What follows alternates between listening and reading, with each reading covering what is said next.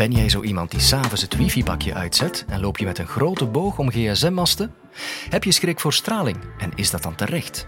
Guy van den Bos is stralingsdeskundige aan de KU Leuven en vertelt of je angst terecht is. Waarom moet je banger zijn van je eigen gsm dan van een gsm-mast? Dit is de Universiteit van Vlaanderen.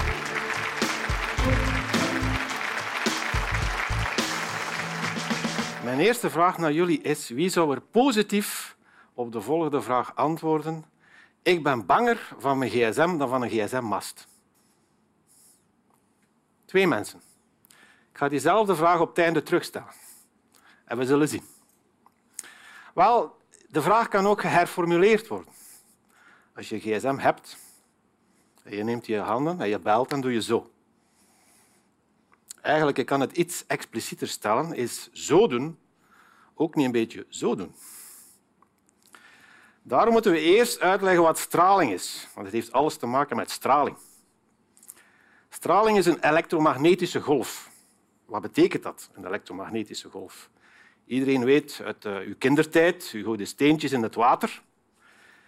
Wel, waar die steen het water raakte, daar begon een golf zich naar buiten uit te spreiden, te propageren op het wateroppervlak. U ziet die golf. Hetzelfde gebeurt bij geluid. Als ik spreek tot u, mijn stembanden zijn een bron van een golf, een geluidsgolf, die eigenlijk door de lucht tot bij je oren komt. Dat is ook een golf. Een elektromagnetische golf is net hetzelfde. Wat is de bron van die golf? Dat is een elektrische stroom. Elke elektrische stroom straalt. Dus ook uw lichaam. De zenuwpulsen in uw lichaam zijn elektrische stroompjes en die zorgen voor straling. U hebt inderdaad een aura rond u. Een elektromagnetische aura, die wel zeer beperkt is. Nu, wel, hetzelfde doet zich voor in een stad. De basisstations in een stad die gaan eigenlijk eh, straling veroorzaken. Daar vloeien stromen op die antennes. En je krijgt eigenlijk propagatie in de stad. Dat is wel niet volgens cirkels of volgens bollen, want er staan gebouwen en dat reflecteert en dat gaat om hoeken en dergelijke meer. Dus dat wordt een complex geheel, maar je ziet eigenlijk op de achtergrond hoe zich dat gedraagt. Het is nog altijd zo dat die straling in een stad zich min of meer binnen een cel bevindt. Ja? Nu, dat is straling. U zal ook begrijpen dus wanneer en waar er straling is. Straling is er eigenlijk altijd en overal. Op dit punt bijvoorbeeld in de ruimte, dit punt, ik zeg het nog eens, is elk signaal dat u kan ontvangen, radio, tv, gsm, wifi, al die vormen van straling zijn hier aanwezig. Ja. Wel, dat is straling. En waarom is er straling? Wel, straling is er altijd geweest. U kijkt naar mij. U ziet mij, dat is licht. Licht is straling. Dat is eigenlijk, vanuit de fysica, net dezelfde vorm van straling als de straling van een gsm. Dat is natuurlijke straling. Die straling gebruiken we om te kijken, zoals ik reeds zei. Bijvoorbeeld om ook te kijken naar het heelal. Ja, de sterren veroorzaken straling, niet alleen in het zichtbare gebied, maar in alle gebieden. We kunnen dat observeren. Dat is straling. Dat is natuurlijke straling, heeft ook de straling die door de mens gemaakt wordt. Ik bedoel niet nu uw eigen lichaam, maar met toestellen, met antennes. Ja, en de belangrijkste vormen daarvan zijn uh, enerzijds telecommunicatie.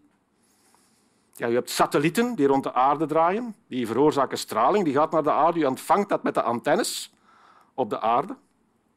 En dan krijgt u een beeld op je televisie. Hetzelfde voor gsm, je voert je gesprek, daar gaat straling mee gepaard. Wel, men heeft ook heel nuttige straling in de medische sector. Denk aan MRI.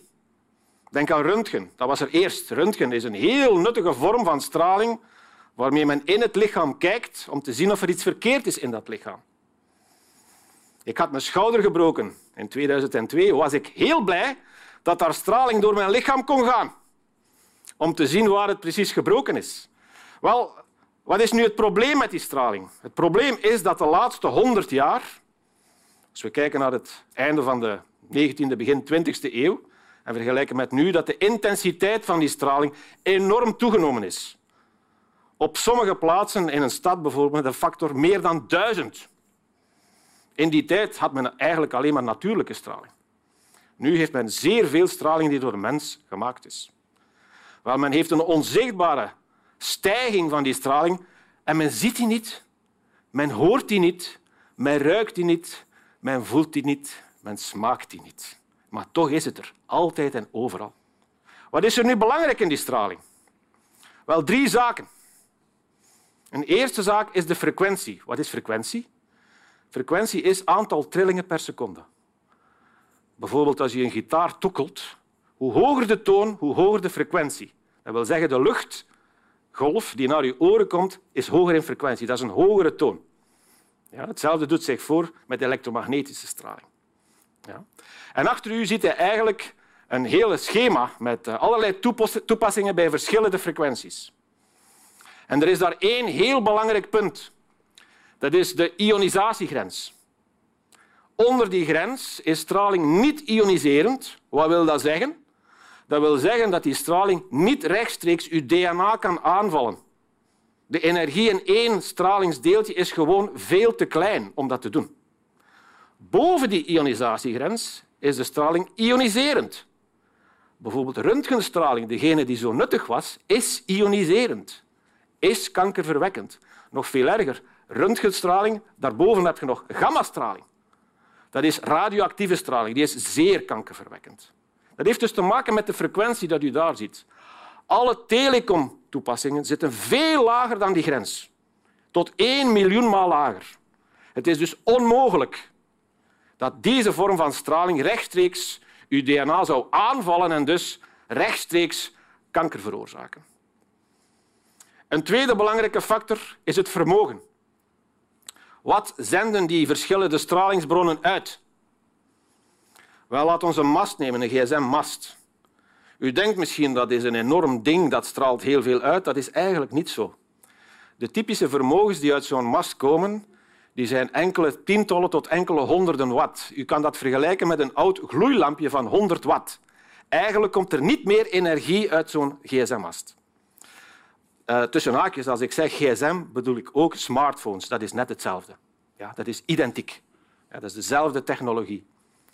Maar als je vergelijkt het vermogen dat uit een mast komt met het vermogen dat uit je toestel komt, wel, dan is dat vermogen van je toestel veel minder. Inderdaad. Dat is maximaal een tweetal watt. Dat is niet veel. Ja? Dat is heel wat minder. Dat is 50 keer minder typisch dan een gsm-mast. Maar dan moeten we kijken naar de derde belangrijke factor. Dat is de afstand. Als ik aan het telefoneren ben, dan hou ik mijn gsm op wel 1 centimeter, 2 centimeter van mijn hoofd. De mast staat typisch op wel 10, eigenlijk veel meer. Op 10 meter van een mast is het onmogelijk te komen. Want uh, als je aan de voet staat van de mast, ja, die, die stralen eigenlijk naar de horizon, dus dan krijg je geen straling. Typisch heb je je maximum op honderden meters van de mast. Ja, dus als je 100 meters neemt, afstand van een mast, dan moet je vergelijken met die 2 centimeter. En straling gedraagt zich als een golf. Dat wil eigenlijk zeggen, die, die sterft uit volgens een wet 1 over r kwadraat. R is de afstand. Dat wil zeggen, als je de afstand maal 10 doet, ja, dan gaat de grootte van die straling gedeeld worden door 100. Gaat de afstand maal 100, dan wordt de stralingsintensiteit gedeeld door 10.000. Dus je ziet, dat is eigenlijk het cruciale gegeven bij straling. Afstand. De afstand moet groot genoeg zijn. En dat is net het probleem met de gsm. Als u zelf telefoneert, is die afstand zeer klein. Nu, wat is het uh, mogelijk probleem? De effecten op het lichaam van die straling. Wel, ik heb reeds gezegd, ionisatie dat is onmogelijk. Het rechtstreeks aanvallen van, van uw DNA is niet mogelijk. Er is niet voldoende energie in één stralingsdeeltje om dat te doen. Twee is er opwarming. U kent allemaal de microgolf. Wel, en u beseft ook als u uw hoofd in de microgolf stopt en, u zet het vermogen aan dat er iets verkeerds zal gaan. Dat is er ook. Er is opwarming in uw hoofd wanneer u telefoneert. Wanneer u gedurende langere tijd telefoneert, gaat eh, de temperatuur van uw hersenen stijgen, van uw hoofd in het algemeen stijgen, met enkele tienden van een graad. Dan moet u vergelijken bijvoorbeeld met koorts. Ja, u zou kunnen zeggen, ik heb een lichte koorts. Ja?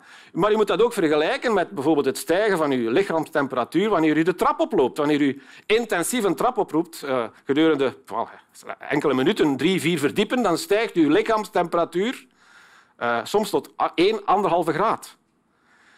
De vermogens in deze vormen van straling zijn te klein om eigenlijk één groot effect te hebben op het lichaam. Waar we ons vooral op moeten concentreren is de biologische effecten. Dat is bijvoorbeeld het krijgen van hoofdpijn, concentratiemoeilijkheden, niet in slaap geraken, of misschien onrechtstreeks kanker veroorzaken, doordat die straling op je cellen invalt, daar de celwerking verstoort. En dus krijg je geen rechtstreekse veroorzaking van kanker, maar op een andere manier. Die dingen die worden allemaal onderzocht. Die zijn eigenlijk al heel wat uitgepluist binnen onderzoeken. Nu, wat kunnen we doen? Wel, u kan zelf uh, toepassen wat ik noem stralingshygiëne. Ik zelf gebruik mijn gsm alleen wanneer het nodig is. Het is nuttig. De gsm is een zeer nuttig instrument. Er zijn al heel wat mensenlevens gered door deze vorm van technologie. Ik ken niemand die erdoor gestorven is. Wat ik ook niet wil uitsluiten, hè, op lange termijn. Maar uh, eigenlijk is het een heel nuttig instrument, dus we gaan dat zeker niet afschaffen. Stralingshygiëne, gebruik het wanneer het nodig is. Maar ik ga ook geen uren en uren en uren aan de telefoon hangen per dag. Ik gebruik steeds mijn vaste telefoon wanneer het kan. Ja, dat is één, dat is op persoonlijk vlak. En dan twee, wat kan de overheid doen? Wat kan de industrie doen? Wel, er zijn normen, maar dat is een politieke beslissing. Dat is echt een politieke beslissing. We gaan de norm daar leggen. Ja? Ik pleit daar voor een uh, iets andere vorm, dat is het Alatta-principe. Het Alatta-principe zegt as low as technically achievable. Wat wil dat eigenlijk zeggen? Dat wil zeggen, we hebben die technologie en we willen die ook als maatschappij, want ze heeft heel wat voordelen. Maar we gaan de straling, wat misschien het nadelige uh, is dat daarbij hoort, minimaliseren. We gaan die zodanig minimaliseren dat het systeem nog net goed werkt. Maar dat wil ook zeggen, als de technologie vooruitschrijdt, dat we de normen kunnen verlagen. Een norm is dus niet iets dat vast ligt voor eens en voor altijd. Eén voorbeeld. Als we erin zouden slagen om binnenshuiscommunicatie... Wel, velen onder jullie doen dat al met Skype bijvoorbeeld. En buitenshuiscommunicatie, wat typisch met de gsm gebeurt, de gsm zelf of de smartphone, ja, via het netwerk, als we dat kunnen scheiden, dan kunnen we eigenlijk de stralingsniveaus sterk verminderen. Waarom? Omdat nu het uh, smartphone- of gsm-netwerk dat buiten is, ook binnen moet dekken. En dus die straling moet door de muren en door de ramen en door de daken kunnen komen. Die moet krachtig genoeg zijn.